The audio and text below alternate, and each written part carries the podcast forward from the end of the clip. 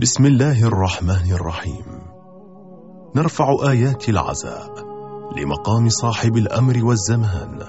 عجل الله تعالى فرجه الشريف. في مصاب جده الإمام الحسين عليه السلام.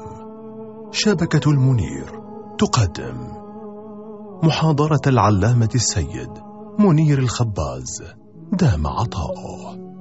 لليلة العاشرة من شهر محرم الحرام لعام 1438 للهجرة النبوية بعنوان الحسين مشروع السماء في الأرض وذلك بمسجد الإمام الباقر عليه السلام بدولة الكويت.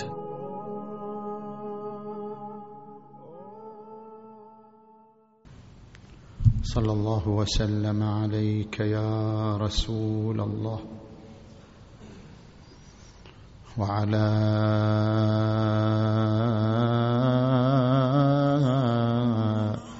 أهل بيتك.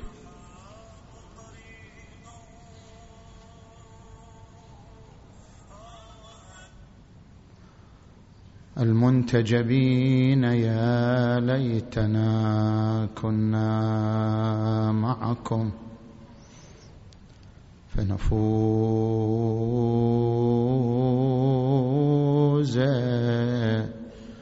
فوزا عظيما.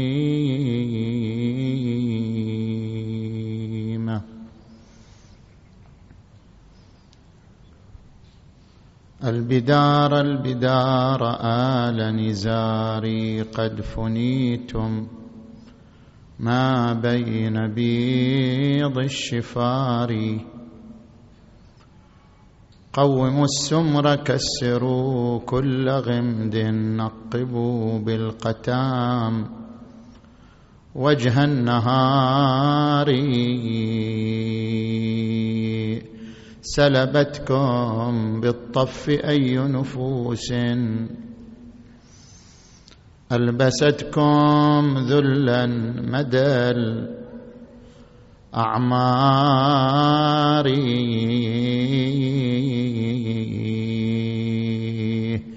يوم جذت بالطف كل يمين. من بني هاشم وكل يساري.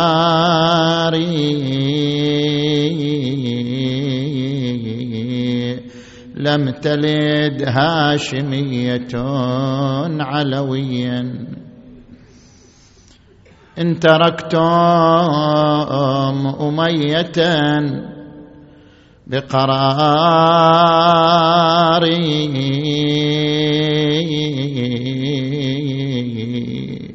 حق أن لا تكفنوا هاشميا. بعدما كفن الحسين الذاري.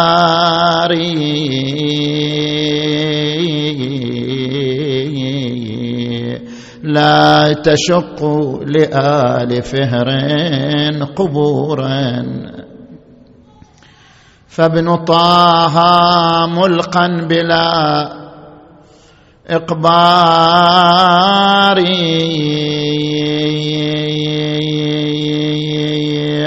طأطئ الروس إن راس حسين. حملته على القنا الخطايا. يا يا يا يا. الخطايا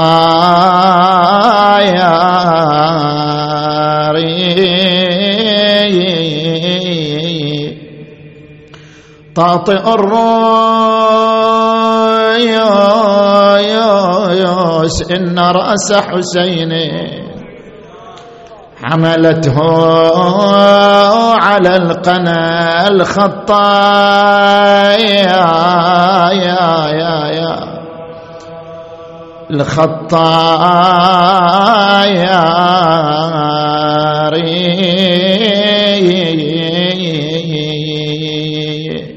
هتكوا عن نسائكم كل خدرين. هذه زينب على الأكوايا.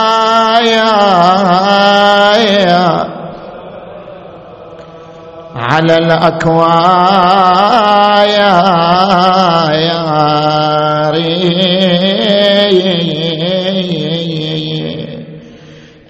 له تقول له يا خايب خل أخوي حسين ساعة. ساعة يا يا أغمض له ومد للموت باعة.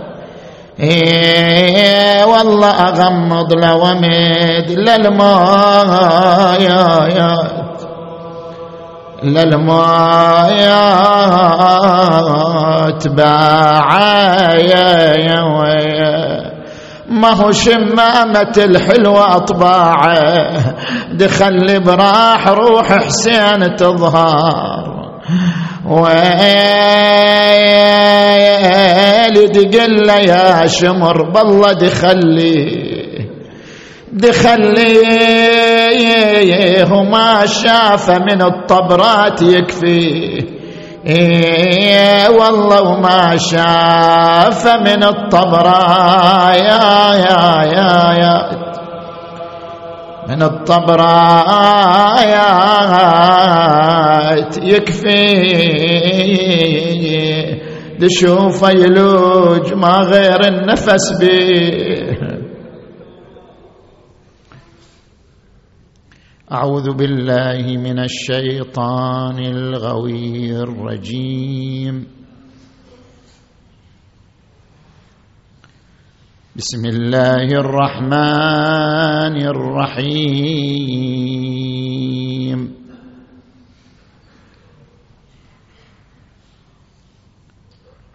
ان الله لا يغير ما بقوم حتى يغيروا ما بانفسهم امنا بالله صدق الله العلي العظيم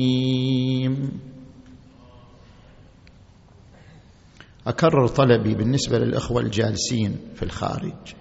اللي جالسين على كراسي ما يقدروا يدخلوا بس اللي جالسين على الأرض خليه يدخلوا داخل. مشاركة في العزاء عن قرب أكثر ثوابا من البعد. إخوة اللي جالسين أمامي في الخارج جالسين على الأرض خليه يدخلوا داخل يشاركوا في العزاء. هذه ليلة عاشر متى تشاركوا في العزاء يعني؟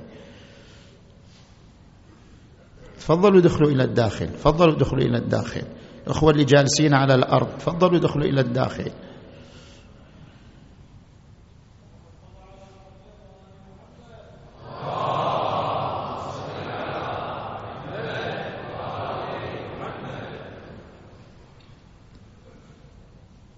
ادخلوا ادخلوا في مجال ادخل ادخل على اليمين على اليسار.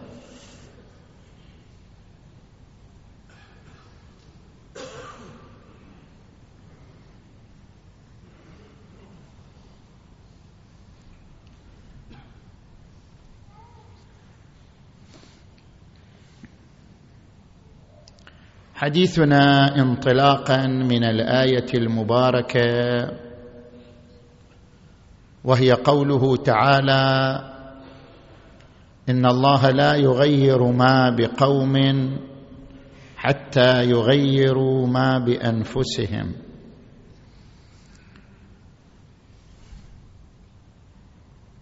في عدة محاور. المحور الأول العلاقة بين إرادة إرادة الله وإرادة العبد. ما هي العلاقة بين الإرادتين؟ الله تبارك وتعالى يقول في آية فمن شاء فليؤمن ومن شاء فليكفر ولكنه يقول في آية أخرى وما تشاءون إلا أن يشاء الله. ويقول في هذه الآية إن الله لا يغير ما بقوم حتى يغيروا ما بأنفسهم. ما هي العلاقة بين الإرادتين؟ الإرادة الإلهية والإرادة البشرية. هي علاقة المفيض مع واسطة الفيض. قال أشرح لك هذا بالمثال. مثلا عندما يريد الإنسان أن يكتب قصيدة على ورق وجود هذه القصيدة يحتاج إلى عنصرين مفيض وواسطة في الفيض. المفيض هو أنا صاحب القصيدة. أنا الذي أنشأتها. أنا الذي تصورتها. أنا الذي أردت كتابتها. فأنا المفيض. يعني أنا الذي أعطي هذه القصيدة وجودا وتحققا. أنا المفيض. لكن لا أستطيع أن أكتب القصيدة على الورق إلا بقلم. إلا بحبر إلا بورق. فأنا المفيض والقلم واسطة في الفيض. يعني أنا أجسد القصيده وأوجدها لكن أوجدها عبر واسطة وهي القلم والحبر. اذا هناك مفيض وهناك واسطة في الفيض وبهما معا وجدت القصيدة. كل حادث في هذا العالم الذي نحن نعيش فيه كل حادث مادي يتوقف وجوده على عنصرين مفيض وواسطة في الفيض. مثلا تكونك جنينا في بطن أمك يحتاج إلى مفيض وواسطة في الفيض. المفيض هو البويضه الملقحه والواسطه في الفيض رحم الأم أو العلاقه الجنسيه بين الرجل والمرأة. بالنتيجة أنت تحتاج إلى عنصرين مفيض وواسطة في الفيض. نفس الكلام بين إرادة الله وإرادة العبد. العبد يريد عملا من الأعمال. أنا أريد أن أصلي. أريد أن أذهب إلى مجلس القراءة مثلا. وجود الصلاة هذا حادث من الحوادث يحتاج إلى عنصرين. مفيض الذي يفيض الصلاة وواسطة في الفيض. من هو المفيض ومن هو الواسطة في الفيض؟ المفيض هو الإرادة الإلهية الوجود منه تعالى. هو الذي يعطي الوجود هو الذي يعطي الفيض. فهو المفيض تبارك وتعالى. أما أنا إرادتي واسطة في الفيض. لولا أني أريد الصلاة ما أوجد الله الصلاة. أوجدها لأنني أنا أريد الصلاة. هو الموجد هو المفيض هو المعطي للوجود. لكن أنا الإنسان واسطة. إرادتي واسطة في الفيض. لذلك عندما يقول في آية وما تشاءون إلا أن يشاء الله. يعني مشيئتكم لا تكفي في الوجود لأن مشيئتكم مجرد واسطة. أما المفيض للوجود فهو الله. فمشيئتكم لا تكفي وما تشاءون إلا أن يشاء الله. وأيضا مشيئة الله تبارك وتعالى ربطها الله بمشيئتك أنت أيها العبد. إذا أنت أردت الصلاة أفاض عليك الصلاة. إذا أنت أردت المشي أفاض عليك المشي. فهو المفيض وأنت الواسطة في الفيض.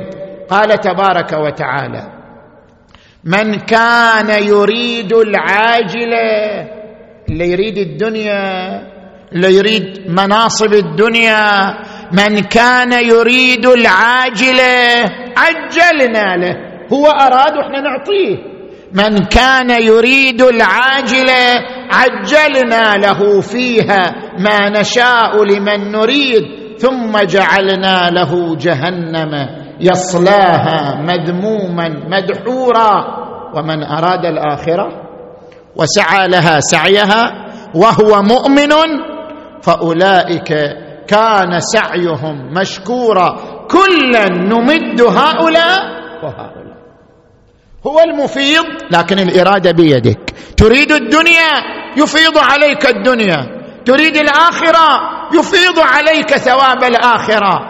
كلا نمد هؤلاء وهؤلاء من عطاء ربك. وما كان عطاء ربك محظورا.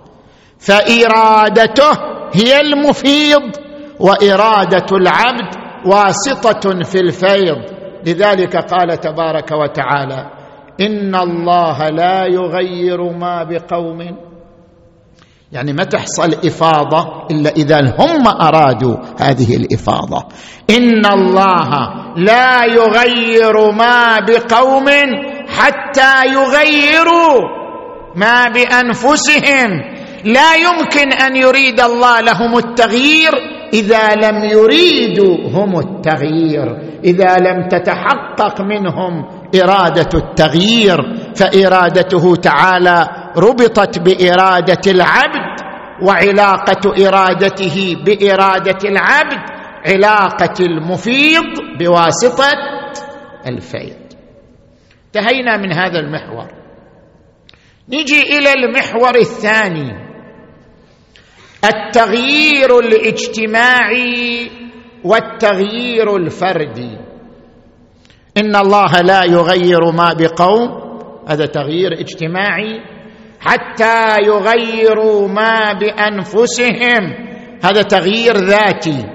هناك علاقة ترتب بين التغيير الاجتماعي والتغيير الفردي. تعال هنا إذا رجلك تعب تعال هنا. فهناك علاقة بين إرادة التغيير الاجتماعي وإرادة التغيير الفردي. التغيير الاجتماعي منوط بالتغيير الفردي. زين. نحن نريد التغيير الاجتماعي ولا يمكن أن نحصل عليه حتى يحصل تغيير فردي ذاتي. إن الله لا يغير ما بقوم حتى يغيروا ما بأنفسهم. كيفية التغيير الفردي؟ التغيير الفردي يا إخوان يعتمد على ركيزتين ثقافة المسؤولية والثقة بالقدرة على التغيير. أشرح لك هاتين الركيزتين. نجي إلى الركيزة الأولى ثقافة المسؤولية. كثير منا يقول لك أنا ما يهمني المجتمع أنا يهمني نفسي أنا أصلح نفسي وأهذب نفسي أما المجتمع كيف يكون؟ صلح أم فسد؟ هذا أمر لا يهمني الذي يهمني نفسي وإصلاح نفسي أما المجتمع فكيفما كان فليكن. هذا غلط. لا بد أن تقوم بثقافة المسؤولية. لابد أن يكون لك شعور بثقافة المسؤولية. أنت مسؤول. أنت مسؤول عن التغيير الاجتماعي. أنت مسؤول عن رسالة تقوم بها. كل منا مسؤول. لا ينحصر الأمر في العلماء ولا في المنابر ولا في المساجد؟ كل مسلم فهو مسؤول. مسؤول عن نشر دينه. مسؤول عن نشر القيم الفاضلة التي دعا إليها دينه. كل مسلم منا مسؤول. لماذا؟ القرآن الكريم يقول والعصر إن الإنسان لفي خسر إلا الذين آمنوا وعملوا الصالحات وتواصوا بالحق وتواصوا بالصبر. مسؤولية التواصي. أوصي صديقي أوصي زميلي أوصي جاري أوصي عائلتي أوصي قومي وتواصوا بالحق وتواصوا بالصبر. هذه مسؤولية لا يمكن الفرار منها. قال تبارك وتعالى كنتم خير أمة أخرجت للناس تأمرون بالمعروف وتنهون عن المنكر والمؤمنون والمؤمنات بعضهم أولياء بعض. أولياء بعض في ماذا؟ يأمرون بالمعروف. كل واحد منا إلى ولاية على الثاني. أنا لي ولاية عليك. يعني ولاية الأمر بالمعروف. أنت لك ولاية علي. ولاية الأمر بالمعروف. والمؤمنون والمؤمنات. بعضهم أولياء بعض. يأمرون بالمعروف وينهون عن المنكر. وقال تبارك وتعالى ولتكن منكم أمة يدعون إلى الخير ويأمرون بالمعروف وينهون عن المنكر. اذا أنت مسؤول. ما في شارة تقول والله أنا ما لي شغل بالآخرين. أنت مسؤول. مسؤول عن صديقك عن عائلتك عن زميلك عن كل شخص تستطيع أن تؤثر فيه. أنت مسؤول. عن الأمر بالمعروف والنهي عن المنكر. أنت مسؤول عن الدعوة إلى الخير يعني الدعوة إلى القيم الفاضلة. هذه مسؤولية لا يمكن الفرار منها. كما قال تعالى عليكم أنفسكم. لا يضركم من ضل إذا اهتديتم. يعني عليكم إصلاح أنفسكم. أيضا قال تعالى ولتكن منكم أمة يدعون إلى الخير ويأمرون بالمعروف وينهون عن المنكر. واجبك إصلاح نفسك وإصلاح غيرك. قوا أنفسكم وأهليكم نارا وقودها الناس والحجارة. عليها ملائكة غلاظ شداد. لا يعصون الله ما أمرهم ويفعلون ما يؤمرون. اذا الركيزة الأولى ثقافة المسؤولية أن تحمل ثقافة المسؤولية. هذا معناه يغيروا ما بي شلون الله يغيرنا إذا إحنا ما نغير؟ شلون الله يغير مجتمعاتنا إذا إحنا نقول كل واحد يقول أنا ما أنا مسؤول؟ ما أنا مسؤول عن غيري مسؤول عن نفسي. اذا لن يتغير. تغيير المجتمع بتغيير النفس وتغيير النفس بتحمل ثقافة المسؤولية. بالتعرف على ثقافة المسؤولية. زين نجي إلى الركيزة الثانية. الثقة بالقدرة على التغيير. هنا الناس أصناف ثلاثة. صنف يجلد في ذاته. يقول لك أنا وين؟ أنا ما أقدر أغير. وين؟ أنا لا عندي معرفة لا عندي قدرة لا عندي لسان. كيف أنا أقدر أغير؟ أنا ما عندي مواهب أنا ما عندي قدرات أنا ما عندي خبرات أنا ما عندي طاقة معرفية أو دينية أو بيانية كي أكون قادرا على التغيير. وقسم ثاني من الناس يعيش النزعه البكائيه كما يعبر بعض علماء النفس. دائما يبكي على المجتمع. هذا المجتمع ما بيصير زين وهذا مأيوس منا وماكو شارة ولا نتعب أنفسنا وخلينا على راحتنا. هذا يعيش نزعة بكائية نزعة بكائية يائسة. وكلا هذين النمطين نمط غير صحي نمط غير سليم. نحن نحتاج إلى النمط الثالث أن تثق بقدرتك على التغيير. نحن دائما نتعامل مع أنفسنا بجلد الذات بجلد الذات فردا أو مجتمعا. دائما أجلد في ذاتي دائما أحقر نفسي دائما أحقر قدراتي ومواهبي. أو لا عندنا مواهب اجتماعية نحقرها نصغرها. إحنا عندنا أسلوب جلد الذات. جلد الذات من الأساليب التي تعوق أمام تقدمنا أمام عملية التغيير. لا يمكن أن تحصل عملية تغيير اجتماعي ونحن نمارس أسلوب جلد الذات تحقير نشاطاتنا تحقير مواهبنا وتحقير مواهب أبنائنا وزملائنا وإخواننا. ما دمنا نعيش جلد الذات لن نتغير. لذلك ورد عن النبي محمد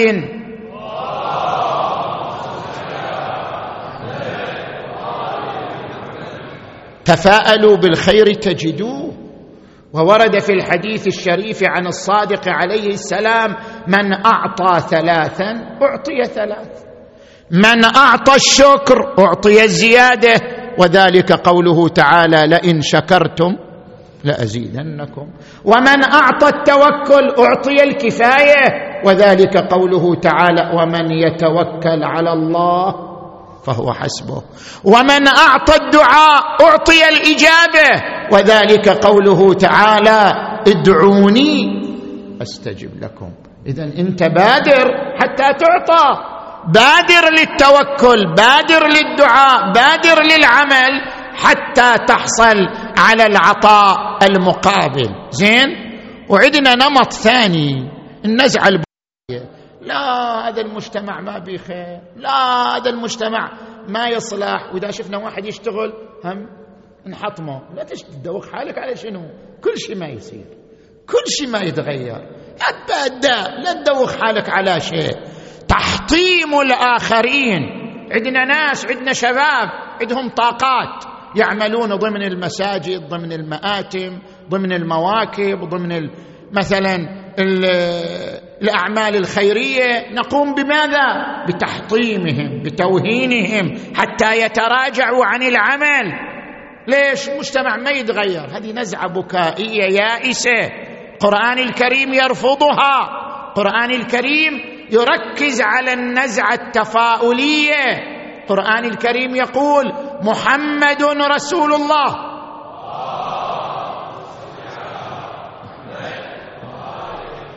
والذين معه أشداء على الكفار رحماء بينهم تراهم ركعا سجدا يبتغون فضلا من الله ورضوانا. وقال في آية أخرى يا أيها الذين آمنوا من يرتد منكم عن دينه فسوف يأتي الله بقوم يحبهم ويحبونه. أذلة على المؤمنين أعزة على الكافرين. يجاهدون في سبيل الله ولا يخافون لومة لائم. اذا المجتمع بخير. في أناس في طاقات في مواهب. أنت تحتاج إلى المبادرة لا أن تعيش النزعه البكائيه اليائسه لذلك نحن نحتاج إلى النمط الثالث. النمط الثالث التفاؤل. الثقة بالقدرة على التغيير. أن تثق بأنك قادر على التغيير. في المدرسة السلوكية في علم النفس يقولون بناء الذات بالتقويم الإيجابي. إذا أنت ما عندك تقويم إيجابي لنفسك ما تقدر تبني شيء. أنت الآن تقدر تبدع في دراستك الجامعية إذا لم تثق بقدراتك. تقدر تبدع في وظيفتك وعملك إذا لم تثق بقدرتك وخبرتك. أنت تحتاج إلى أن تثق بقدراتك وطاقتك ومواهبك. تحتاج أن تشجع نفسك تحتاج أن تلقن نفسك على أنك قادر. هذا التلقين التلقين بالثقة هو التقويم الإيجابي الذي نحتاج إليه. نحتاج أن نشجع طاقاتنا نشجع مواهبنا. واحد عندنا موهبة عنده موهبة في الخطابة. واحد عنده موهبة في الشعر واحد عنده موهبة في مثلا العلوم العقلية واحد عنده موهبه كل من له موهبة. نتعامل معه بأسلوب التقويم الإيجابي حتى يكون فاعلا على التغيير حتى يكون عضوا مهما في عملية التغيير الاجتماعي. إن الله لا يغير ما بقوم حتى يغيروا ما بأنفسهم. نجي الآن إلى المحور الثالث. هل نحن نمتلك عناصر التغيير؟ إحنا لو أردنا أن نسعى لعملية التغيير. هل نحن نمتلك عناصر التغيير؟ بمعنى آخر كل منا هل يمتلك عناصر الشخصية الاجتماعية القادرة على عملية التغيير أم لا؟ كل إنسان منا له شخصية فردية وله شخصية اجتماعية. إحنا ما نبحث الآن عن الشخصية الفردية إحنا الآن نبحث عن الشخصية الاجتماعية. هل نحن نمتلك عناصر الشخصية الاجتماعية القادرة على التغيير أم لا؟ نعم نمتلك ذلك. نرجع إلى القرآن الكريم. كيف يتحدث عن عناصر الشخصية الاجتماعية؟ العنصر الأول الذي يذكره القرآن الكريم القدرة على التكامل والتلاقح. لاحظوا قوله تعالى يا أيها الناس إنا خلقناكم من ذكر وأنثى وجعلناكم شعوبا وقبائل. شنو؟ لتعارفوا. ما هو التعارف؟ تعارف والتكامل أتعرف عليك فأستفيد من تجربتك. تتعرف علي فتستفيد من تجربتي. وهذا ما عبر عنه بعض علماء الاجتماع بحوار الحضارات. نحن نحتاج إلى حوار الحضارات لا إلى صراع الحضارات. كل حضارة تستفيد من تجارب الحضارة الأخرى. التعارف بمعنى تلاقح التجارب تلاقح المواهب تلاقح الخبرات من ذكر وأنثى. وجعلناكم شعوبا وقبائل لتعارفوا. إن أكرمكم عند الله أتقاكم. فانت تملك عنصر ألا وهو عنصر القدرة على التعارف واكتساب الخبرة من الآخرين. هذا العنصر الأول. العنصر الثاني الخيرية. ترى كل إنسان يحب الخير. حتى اللي تشوفه يابس خشن ترى هو يحب الخير. ماكو واحد ما يحب الخير. كل منا يعيش نزعة الخير يحب للآخرين الخير. ما في داعي نجلد أنفسنا ونحارب أنفسنا لهذه الدرجة. كل واحد منا يحمل نزعة الخير ويحب العطاء والخير. القرآن الكريم يقول إن الإنسان لربه لكنود وإنه على ذلك لشهيد. وإنه لحب الخير لشديد. كل إنسان يحب الخير بل يحب الخير بشدة.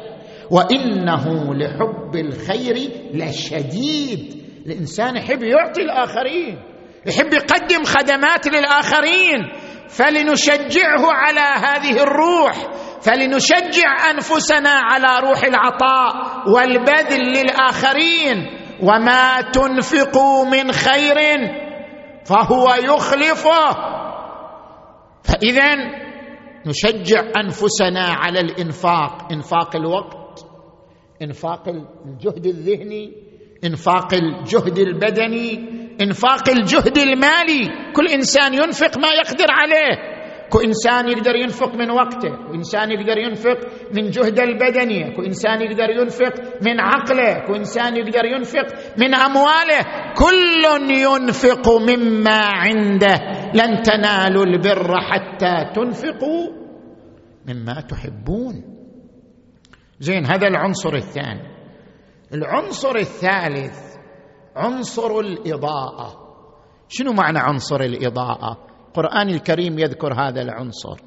اومن كان ميتا فاحييناه وجعلنا له نورا يمشي به في الناس.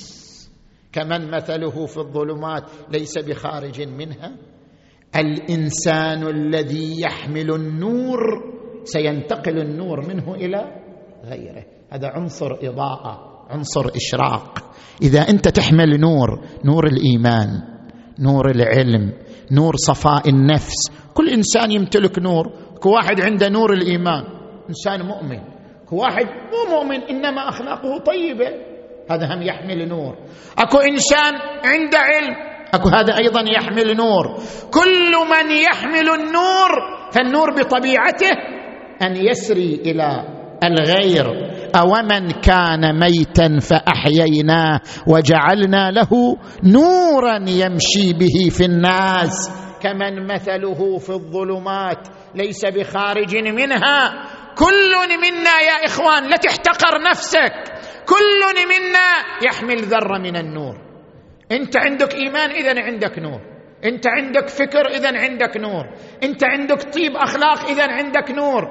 أنت قادر بما عندك من النور أن تنير غيرك وأن تضيء غيرك. يوم لا يخزي الله النبي والذين آمنوا معه. نورهم يسعى بين أيديهم وبأيمانهم. يقولون ربنا أتمم لنا نورنا. هذا العنصر الثالث. العنصر الرابع من عناصر الشخصية الاجتماعية في نظر القرآن الكريم أن قيمة الإنسان بإنجازه. شوف القرآن ماذا يقول؟ وأن ليس للإنسان إلا ما سعى. سعيك هو قيمتك سعيك هو اللي يحدد شخصيتك. إيش قد قدمت؟ والله انت الآن عمرك ثلاثين سنة عمرك أربعين سنة حاسب نفسك شنو أنا قدمت لمجتمعي؟ وأنا الآن أعيش في مجتمع مؤمن هذا المجتمع المؤمن يحتاج إلى عملية تغيير يحتاج إلى إصلاح يحتاج إلى قيم فاضلة يحتاج إلى معارف. ماذا قدمت لمجتمعي؟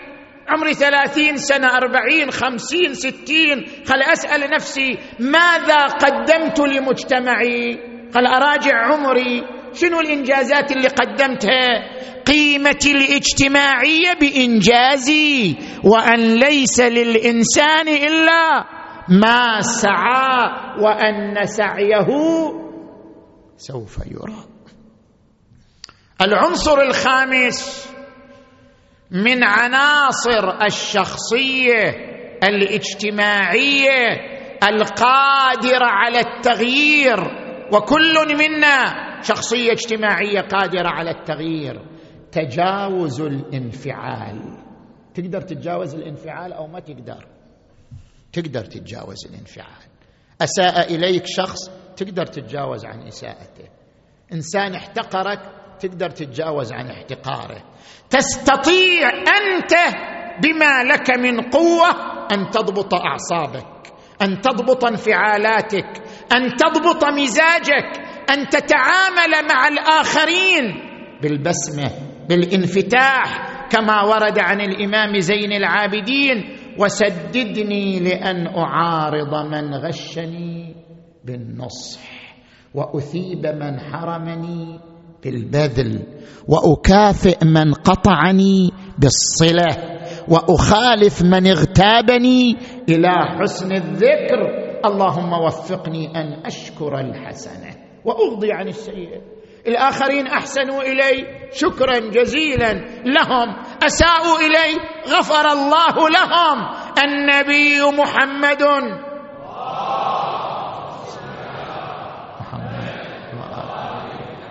لما خرج إلى الطائف وأمروا صبيانهم وسفهاءهم أن يخرجوا ويلقفوا محمد بالحجارة ودميت رجلاه من الدماء.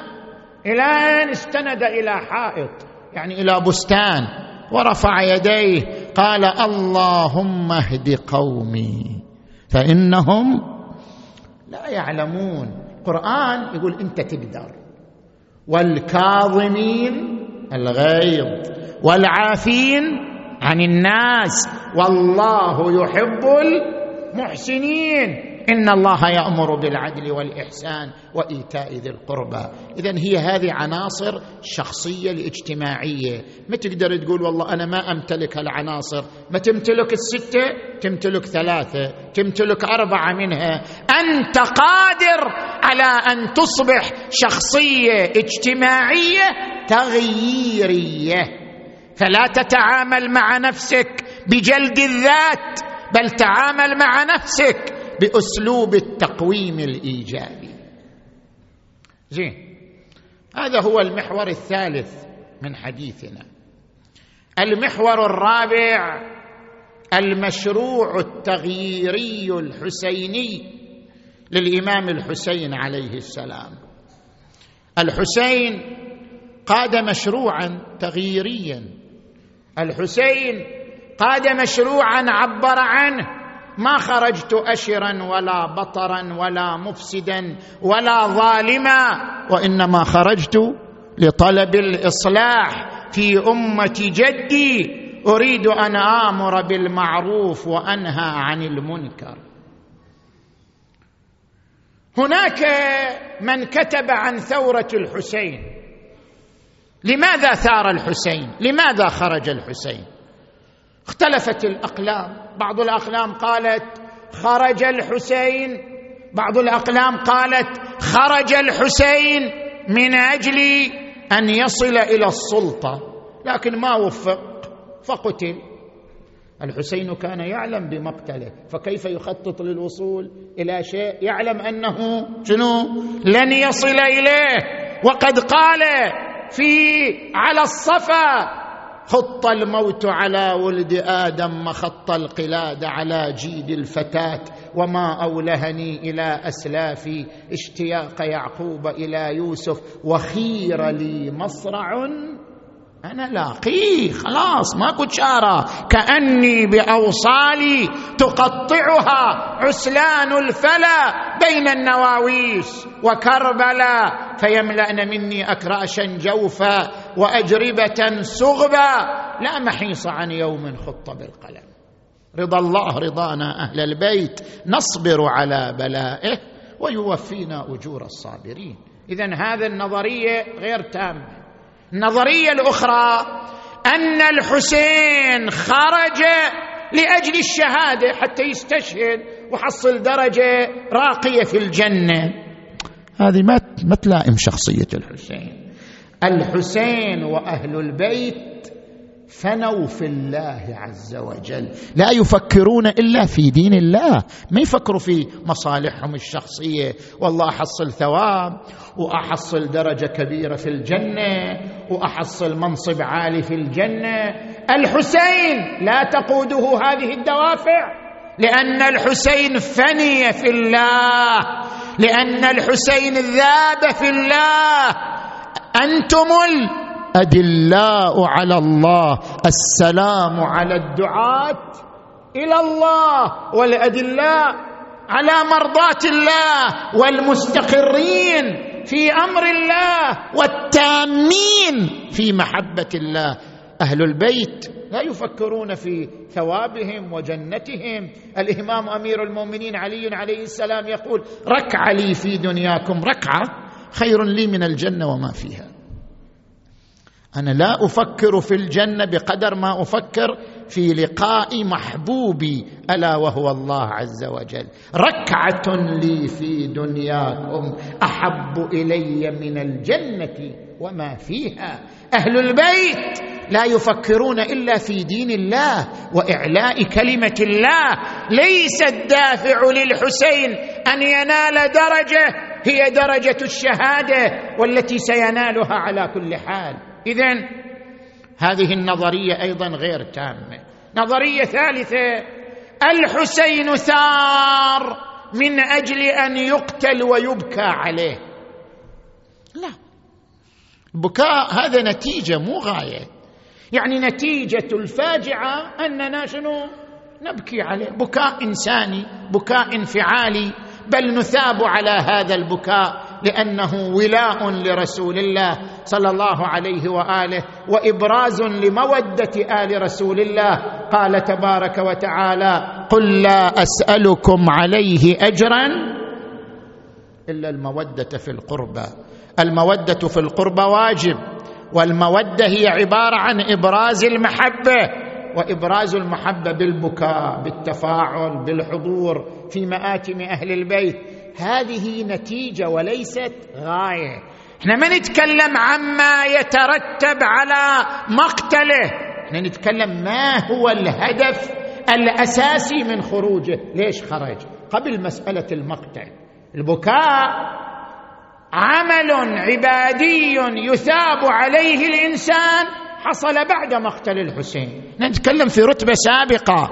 أساسا ما هو الهدف الأساسي من خروجه صلوات الله وسلامه عليه؟ الهدف الأساس من خروجه ما عبر عنه هو. قال ما خرجت اشرا ولا بطرا ولا مفسدا ولا ظالما وإنما خرجت لطلب الإصلاح. عندي مشروع ألا وهو مشروع الإصلاح. ومشروع الإصلاح لا يحصل إلا باستعادة الكرامة والإرادة للأمة الإسلامية آنذاك. كانت الأمة الإسلامية تحتاج إلى الإرادة والكرامة. فرأى أن بخروجه تستعاد الكرامة والإرادة إلى الأمة.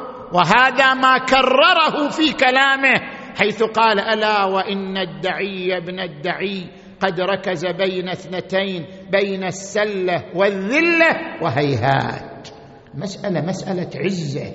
أن تستعيد الأمة الإسلامية عزتها وهيهات منا الذلة. يأبى الله لنا ذلك ورسوله والمؤمنون. وجذور طابت وحجور طهرت وأنوف حمية ونفوس أبية.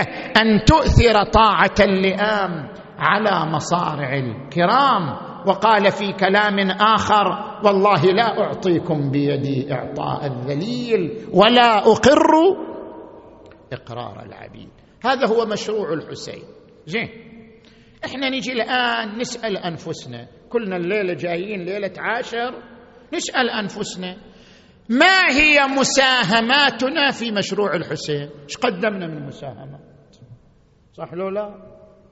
الحسين بذل نفسه بذل أهله بذل ما عنده بذل أغلى ما يملك. في سبيل هذا الدين وفي سبيل هذه المبادئ نحن ماذا قدمنا لمشروع الحسين؟ نحن ماذا أسهمنا في مشروع الحسين؟ نحن ماذا نستطيع أن نقدم لمشروع الحسين عليه السلام؟ نحن قلنا من بداية المحاضرة إن الله لا يغير ما بقوم حتى يغيروا ما بأنفسهم. عملية التغيير هي مشروع الحسين. مشروع الحسين أن تحدث عملية تغييرية إصلاحية لجميع المجتمعات. هذه العملية التغييرية مسؤوليتنا كلنا لأننا كلنا حسينيون وأتباع الحسين. فماذا قدمنا لعملية التغيير ولمشروع التغيير؟ ماذا قدمنا وأسهمنا في المشروع الحسيني؟ طبعا هذا هذا الجمع الغفير وهذه المآتم وهذه المجالس جهود مشكورة وعظيمة. كل يقدم بحسب طاقته وبحسب إمكانياته للإسهام في إحياء أمر آل محمد.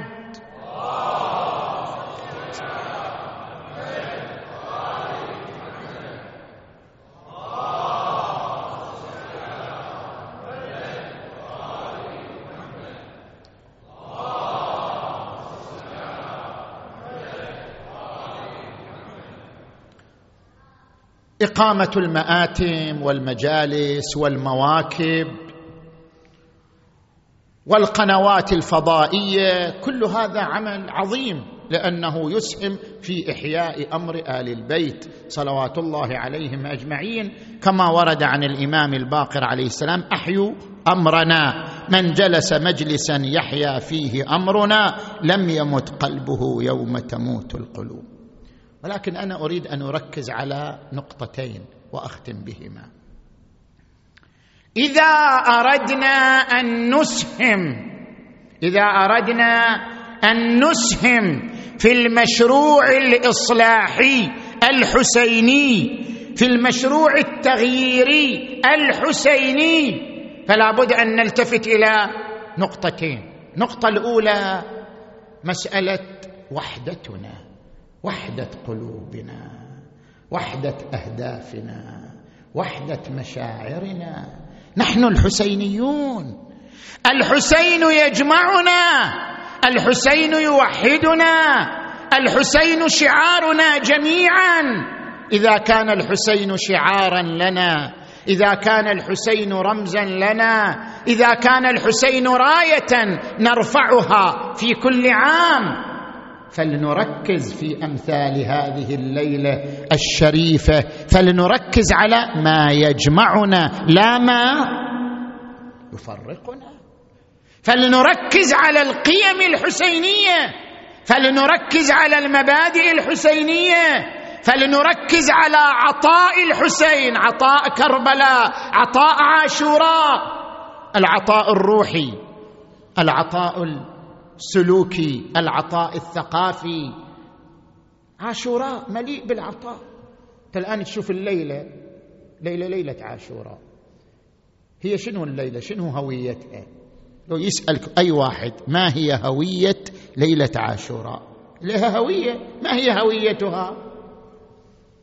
تقول ليلة عزاء. لا مو بس ليلة عزاء. ليلة عزاء وليلة عبادة.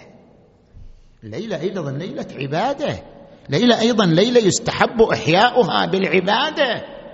فأنت تقطع شوط من هذه الليلة في العزاء. هذا مطلوب. وتقطع شوطا من هذه الليلة أيضا شنو؟ في العبادة. تصلي صلاة الليل تهدي ثوابها إلى سيد الشهداء وأنصار الحسين في كربلاء. ليلة ليلة عبادة. اذا قيم عاشوراء. القيم العبادية القيم السلوكية العزة الكرامة المروءة التعاون. كل هذه قيم لعاشوراء تجسدت يوم عاشوراء على جميع طاقاتنا. علماء خطباء منابر مآتم مواكب مساجد على جميع الفعاليات والطاقات أن لا تتحدث عما يفرقها بل تتحدث عما يجمعها.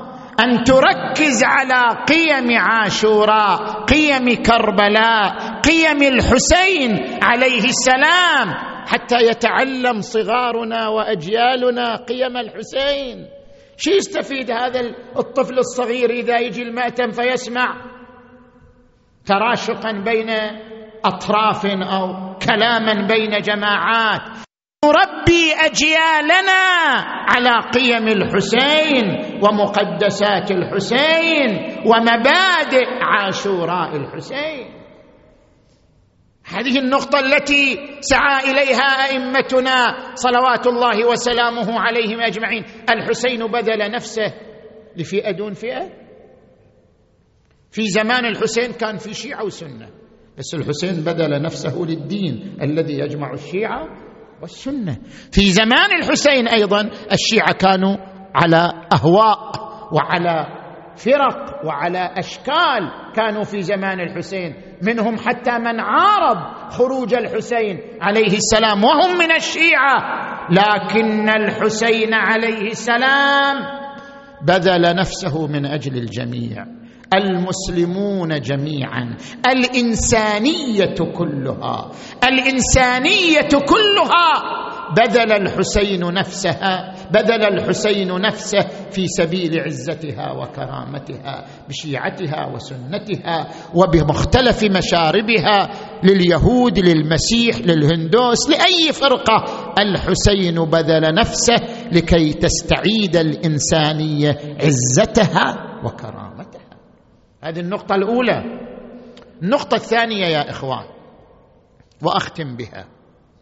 الحسين مشروع عظيم. خرجت لطلب الإصلاح في أمة جدي. لكن هل الإصلاح ينحصر بهذه الصور التي نقوم بها سنويا؟ لا. وجود المواكب والمجالس والقنوات الفضائية وجميع الألوان التي نحن نمارسها سنويا أمر ضروري ومطلوب لكن الإصلاح لا ينحصر بهذا. نحتاج إلى أن يتحول الحسين إلى رقم عالمي. إلى الآن ما تحول الحسين إلى رقم عالمي مع أنه أحق فرد بأن ينال هذا الرقم العالمي. نسأل أنفسنا نحن الشيعه نملك طاقات ترى. يعني نملك أموال ضخمة ونملك كفاءات إعلامية ضخمة ونملك قدرات إدارية ضخمة لكن لم نستغلها في نشر مبادئ الحسين عليه السلام. انت الآن اطرح على نفسك هالسؤال. عندنا مستشفيات عالمية باسم الحسين. انت روح شرق غرب هل شايف مستشفيات على مستوى العالم مستشفى مرموق عالميا باسم الحسين؟ شايف؟ لا. شايف انت كليات عالمية باسم الحسين؟ لا. انت الآن تعال خلينا نستفيد من تجربة الغرب. تعال انت زور أمريكا زور أوروبا. كثير من التجار ينشئ كلية عالمية بشنو؟ باسمه جامعة باسمه. مستشفى باسمه مبرة أيتام باسمه مركز للمعوقين باسمه. هكذا إذا أردنا ننشر الحسين هكذا ننشر الحسين. الحسين لابد أن نحوله إلى رقم عالمي. على مستوى العالم كله. العالم كله يرى جامعات في الغرب والشرق باسم الحسين. على مستوى العالم كله يرى العالم مبرات أيتام مراكز معوقين كليات. باسم الحسين عليه السلام. والشيعة قادرون على ذلك مو مقادرين قادرون على ذلك. اللي يقدروا يأسسوا ثلاثين قناة فضائية ما يقدروا يأسسوا مستشفى باسم الحسين عليه السلام؟ طبعا يقدروا. هذه القنوات الفضائية قنوات مهمة. كلها كل القنوات أنا أحترمها وقنوات مشكورة. وبذلت جهدا كبيرا وقدمت أثرا طيبا. لكن إحنا نحتاج إلى قنوات تتحدث بجميع اللغات. باللغة الإنجليزية باللغة الصينية باللغة الهنديه قنوات تتحدث بجميع اللغات لكي تركز مبادئ الحسين عليه السلام. اذا إذا سألنا أنفسنا في هذه الليلة ماذا قدمنا لمشروع الحسين؟ ما هي إسهاماتنا في المشروع الإصلاحي الذي قام به الحسين؟ نرى أننا ما زلنا في الصفر. ولم نقدم شيئا مهما بمستوى الحسين بحجم الحسين بحجم مشروع الحسين. إلى الآن لم نقدم شيئا مهما. إلى الآن ما زلنا نقول يحتاج ونحتاج إلى أن يتحول الحسين إلى رقم عالمي يرصده العالم في كل مكان. كل ما يتجه العالم يرى اسم الحسين منقوشا على مستشفى على مركز على مدرسة على كلية على مبادئ على طرق معينة. وهكذا حينئذ نقول إننا أسهمنا في المشروع التغييري الإصلاحي الذي قاده الحسين بن علي صلوات الله وسلامه عليه. ألا وإني زاحف بهذه الأسرة مع قلة العدد وخذلان الناصر وأيم الله لا تلبثون بعدها إلا كريثما يركب الفرس حتى تدور بكم دور الرحى وتقلق بكم قلق المحور. عهد عهده إلي أبي عن جدي رسول الله صلى الله عليه وآله وبات ليلة العاشر من المحرم. هو واصحابه ولهم دوي كدوي النحل. يتزودون من العبادة ويتزودون من قراءة القرآن. أقبلت العقيلة إليه. قالت أبا عبد الله هل بلوت أصحابك؟ هل اختبرتهم؟ أخاف أن يسلموك عند الوثبه قال بلى أيتها العقيله الآن أجمعهم.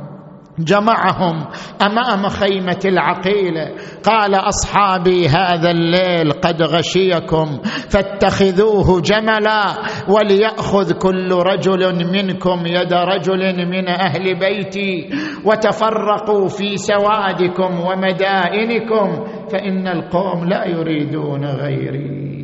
ولو حصلوا علي للهوا عن غيري. فقام أصحابه واحدا بعد آخر. قالوا لا والله يا أبا عبد الله لا ندعك حتى نجادل عنك بأسيافنا ونطعن القوم برماحنا. ماذا نقول لجدك رسول الله يوم القيامة؟ نقول تركنا ابن بنت نبينا فلا جادلنا عنه بألسنتنا ولا دافعنا عنه بأسيافنا وقام صاحب آخر وقال والله لو أحرق ثم أنشر سبعين مرة ما تخليت عن نصرتك يا أبا عبد الله فسمعت العقيل كلامهم واستقر قلبها واطمأن خاطرها يا أهل الشيم هذا محلكم. لليوم ما نذخر هممكم شنو العذر يكرام منكم؟ تخلون بالشدة حرمكم. عظم الله أجوركم.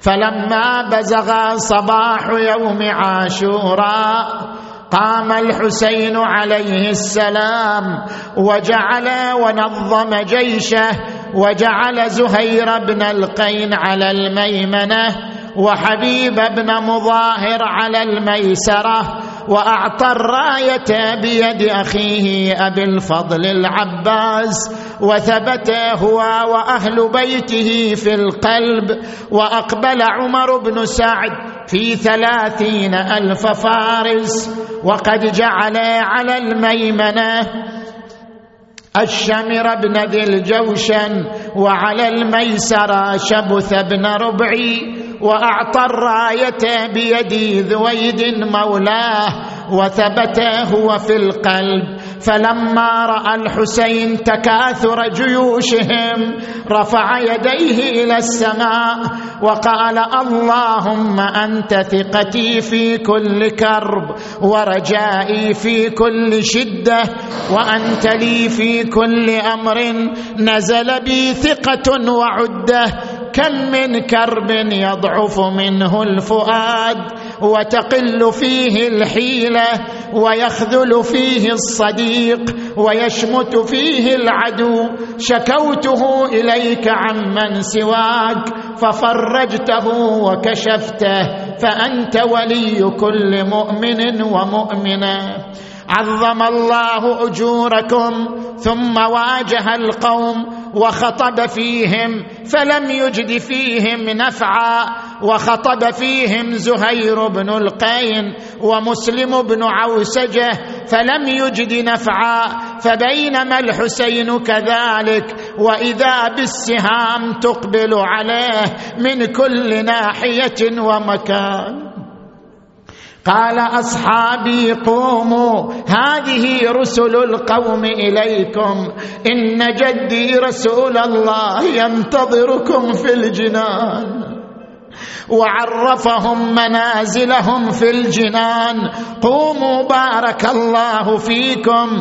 فقام الأنصار واحدا بعد آخر يقاتلون بين يدي أبي عبد الله. وكان من جملة الأنصار وهب بن حباب الكلبي وكان حديث عهد بالزواج فلما أراد الخروج تعلقت بأذياله زوجته. قالت يا وهاب لا تفجعني بشبابك. فالتفت إلى أمه فقال ما تقولين؟ قالت يا ولدي والله لا أرضى عنك حتى أراك شهيدا على الثرى. بين يدي أبي عبد الله عظم الله أجوركم. فخرج بأبي وأمي يقاتل حتى قطعت يده فرجع إلى الخيمة قال أمه هل رضيت عني؟ قالت لا والله لا أرضى حتى أراك صريعا أريد أن أفتخر بك أمام فاطمة الزهراء. إيه تستاهل الزهرة تستاهل. أريد أن أفتخر بك أمام فاطمة الزهراء يوم القيامة فصار يقاتل فإذا بزوجته من خلفه تحمل عمود الخيمة وهي تنادي يا وهب قاتل دون الطيبين حسين وآل حسين. قال يا أمة الله قبل ساعة نهيتني عن القتال والآن تأمرينني بالقتال. ماذا حدث يا أمة الله؟ قالت يا وهب لا تلمني واعية الحسين أحرقت قلبي. قال ماذا سمعت؟ ماذا وصلت؟ قالت سمعت الحسين واقفا بين الخيمات ينادي أمام الناصر ينصرنا. أمام ذاب يذب عن آل رسول الله. امام يعين يعيننا. فقال ارجعي للخيمة. كتب القتل والقتال علينا وعلى المحصنات جر الذيول. ثم وقع شهيدا بين يدي الحسين. وكان من جملة الأنصار عبد الله بن جناد الأنصاري. وكان طفلا قد قتل أبوه في المعركة الأولى فأقبل الطفل إلى الحسين قال أبا عبد الله ائذن لي في المبارزة. قال الحسين هذا طفل قتل أبوه في الحملة الأولى وأخاف أن أمه تكره قتاله. وإذا بالطفل يقول أبا عبد الله إن أمي هي التي أمرتني. وحسينا. قال بني ارجع إلى أمك كي تقر عينها. فرجع الطفل وإذا بأمه أقبلت وهي تحمل الطفل بيديها وتقول أبا عبد الله والله لا يقر قلبي حتى أراه شهيدا بين يديك.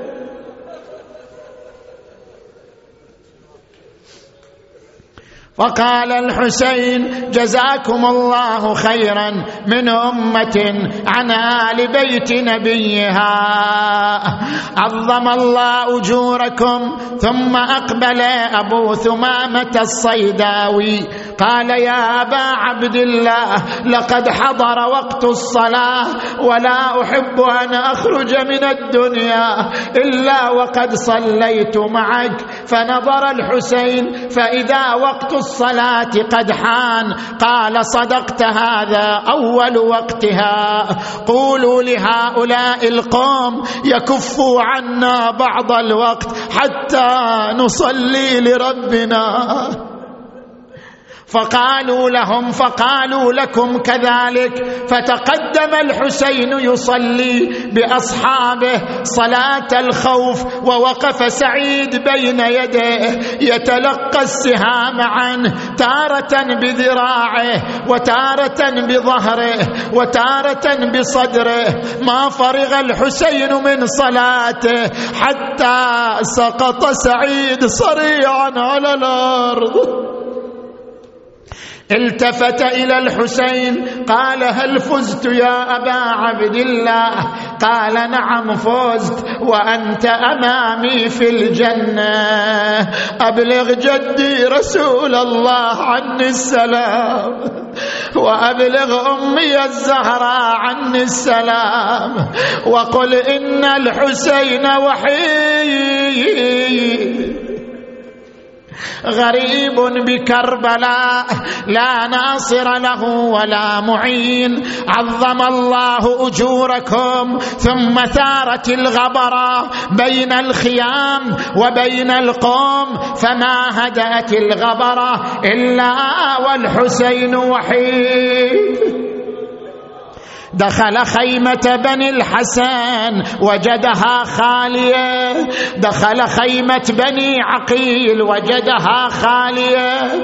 دخل خيمة بني علي وجدها خالية.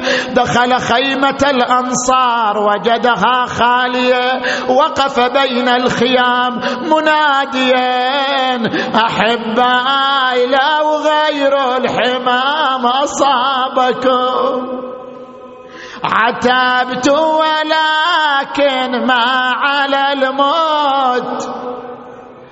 بالأمس كانوا معي واليوم قد رحت. وإذا بالصوت من الخيمات عم زينب عم زينب ناوليني السيف والعصا. قالت ما تصنع بهما؟ قال أما العصا فأتوكأ عليها وأما السيف فأذب به عن والدي الحسين. فأقبلت الي فاتكأ على عمته زينب وشهر السيف ونادى لبيك لبيك. لبيك.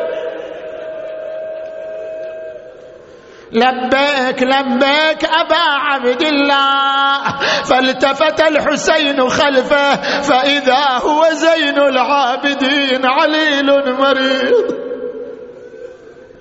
قال أخي زينب أرجعيه لئلا ينقطع نسل آل محمد. أرجعته إلى الخيمة ثم أقبل إليها. قال أخي أين طفلي عبد الله الرضيع؟ أريد أن أجلب له قطرات من الماء أبل بها كبده فلعل القوم يرحمونه إذا رأوه طفلا رضيعا أخذ بأبي وأمي الطفل الرضيع وقف أمام القوم فدعا في القوم يا لله من خطب فظيع. نبئوني أأنا المذنب أم هذا الرضي انظروه فعليه شبه الهادي الشفيع فاختلف القوم هذا يقول اقتلوه وهذا يقول اتركوه وثالث يقول اسقوه ماء فنظر عمر بن سعد إلى حرمله قال انظر إلى نحر الطفل إنه يلمع كبريق الفضة. قال بلى فسدد حرمله سهما مسموما فبينما الطفل على يدي والده وإذا بالسهم يخترق نحره وذبحه من الورد فشبك الطفل بيديه على رقبة والده فأخذ الحسين دمه فرماه إلى السماء.